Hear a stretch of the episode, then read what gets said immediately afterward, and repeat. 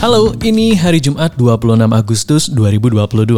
Welcome to Listen Up Podcast. Hari ini kita akan membahas soal Pertalite yang direncanakan naik harga. Mantan Perdana Menteri Malaysia yang mulai menjalani hukuman 12 tahun penjara dan wali kota Depok yang lagi-lagi jadi sorotan. And now, let's catch up. Guys, perhaps this is not the good news, but it's very important to know. Mungkin kamu udah dengar selentingan kabar atau baca berita soal wacana kenaikan BBM bersubsidi jenis Pertalite dan Biosolar. Nah, itu bukan gosip karena saat ini pemerintah memang sedang membuat skema kenaikan harga BBM bersubsidi. Saat ini kondisi ekonomi global emang diambang ketidakpastian, terlebih inflasi yang tinggi menghantam sejumlah negara maju kayak Amerika dan Inggris. Penyebabnya mulai dari dampak pandemi sampai perang Rusia-Ukraina ditambah harga harga minyak dunia juga lagi tinggi. Nah, pemerintah secara nggak langsung nih udah nunjukin kalau mereka keteteran nih dengan nilai subsidi yang membengkak. Kalau pertanyaannya seberapa bengkak subsidi negara, jawabannya bengkak gede, yaitu 502 triliun rupiah dari proyeksi awal yang sebesar 170 triliun rupiah. Terkait hal itu, Bendahara Negara kita, a.k.a. Menteri Keuangan Bu Sri Mulyani menegaskan bahwa pemerintah nggak bisa ujuk-ujuk nambah anggaran subsidi, khususnya untuk stabilitas harga BBM, sehingga pemerintah bakal tetap menggunakan anggaran 502 triliun yang udah di-approve oleh DPR. Jadi, kalau beban subsidi ternyata melebihi asumsi awal, anggarannya berpotensi mundur ke tahun depan. Artinya, APBN 2023 akan menanggung beban subsidi tahun 2022 ini. Meanwhile, DPR mengusulkan harga BBM jenis Pertalite naik dari yang sekarang 7.650 per liter jadi 10.000 per liter. Usulan nominal kenaikan itu mengemuka saat rapat dengar pendapat atau RDP Komisi 7 bersama Kementerian ESDM di Komplek Parlemen Jakarta pada hari Rabu kemarin 24 Agustus 2022. Nah, kalau kamu masih ingat jauh-jauh hari lalu, Pak Presiden Jokowi pernah bilang kalau BBM bersubsidi naik naik, demonya bisa sampai tiga bulan. Nah, melihat kondisi sekarang, Pak Jokowi memerintahkan jajarannya agar membuat perhitungan secara hati-hati betul. Ini menyangkut hajat hidup orang banyak. Jadi semuanya harus diputuskan secara hati-hati. Dikalkulasi dampaknya, jangan sampai dampaknya menurunkan daya beli rakyat, menurunkan konsumsi rumah tangga, kemudian juga nanti yang uh, harus dihitung juga menaikkan inflasi yang tinggi kemudian bisa menurunkan pertumbuhan ekonomi. Semuanya saya suruh ngitung betul ngitung betul sebelum diputuskan. Ya.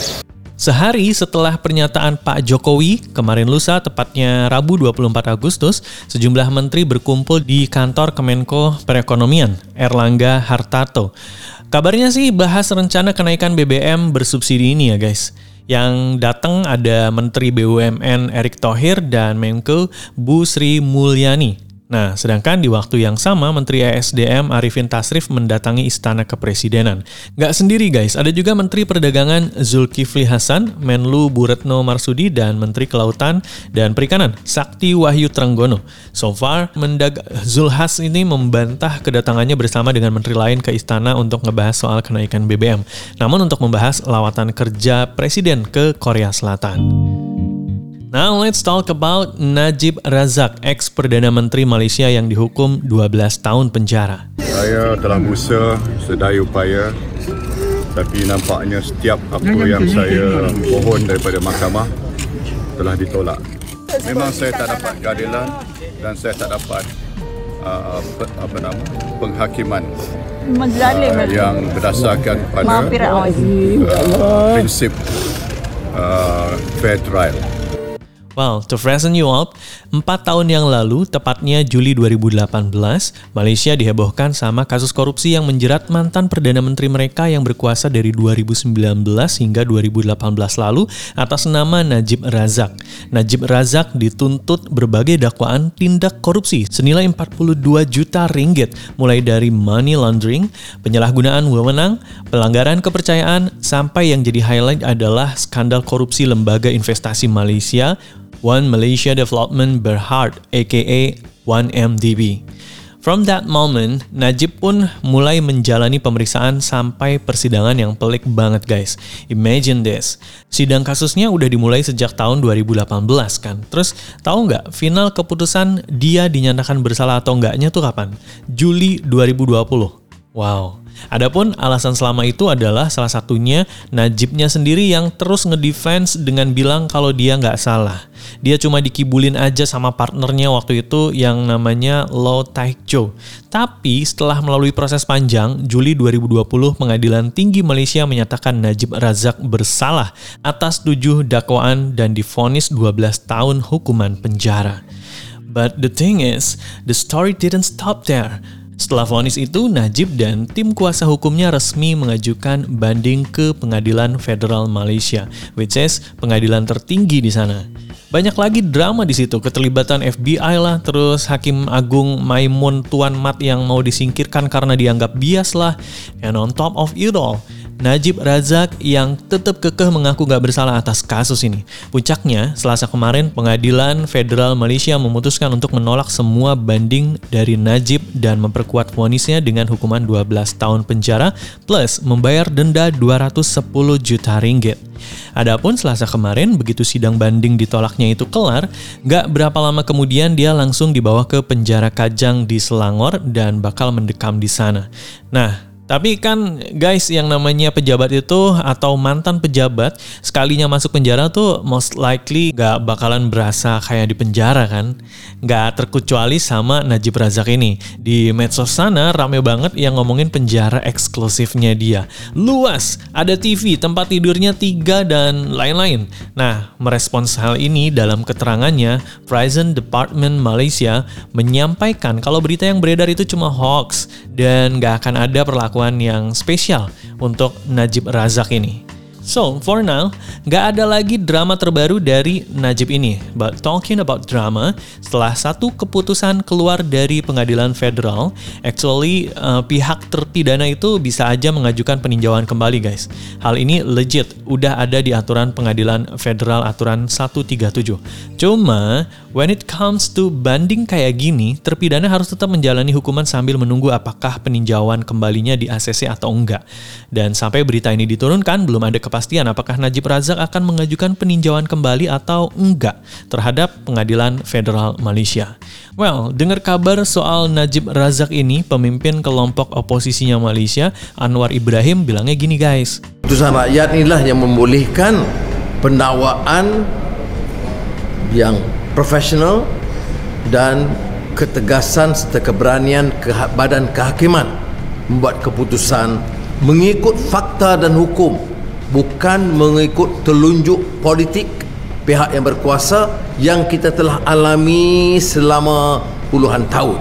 Jadi sekarang ada perasaan lega tetapi saya nak ucapkan selagi selain daripada penghargaan kepada hakim-hakim yang berani dan berwibawa tunduk kepada fakta dan hukum. Selain itu ada juga NGO namanya Center to Combat Corruption and Cronyism yang dalam keterangannya bilang kalau keputusan pengadilan federal kemarin itu adalah a phenomenal victory. Lebih jauh mereka juga menyampaikan bahwa emang nggak ada orang yang kebal hukum, even itu mantan Perdana Menteri sekalipun, cenah. FYI, Najib Razak ini adalah Perdana Menteri pertama yang masuk penjara dalam sejarah Malaysia, guys. Terus, since Najib Razak udah dinyatakan bersalah, meaning dia nggak akan bisa lagi ikutan pemilu dan mencalonkan diri lagi sebagai Perdana Menteri, aka karir politiknya tamat sampai di sini. Tapi kemungkinannya tetap ada sih ya, asal dia dapat pengampunan dari the one and only Raja Malaysia yang di Pertuan Agong Tengku Abdullah. Dan rekomendasi pengampunannya harus datang datang dari Perdana Menteri yang sekarang menjabat, Ismail Sabri Yaakob.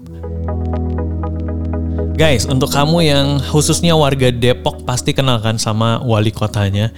Doi kan lumayan terkenal tuh setelah ngide pasang lagu di lampu merah sampai viral di mana-mana. ya si bapak kreatif ya.